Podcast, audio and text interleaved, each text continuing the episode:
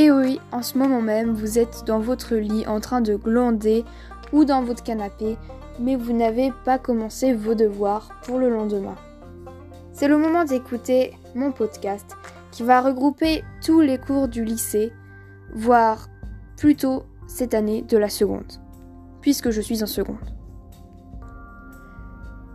Cela vous permettra sûrement de réussir à regrouper vos connaissances, à revoir des cours anciens, parce que oui, au lycée, il faut toujours revoir et revoir. Ou simplement, si vous êtes plus grand, de revoir des anciens cours qui vous aideront peut-être par la suite.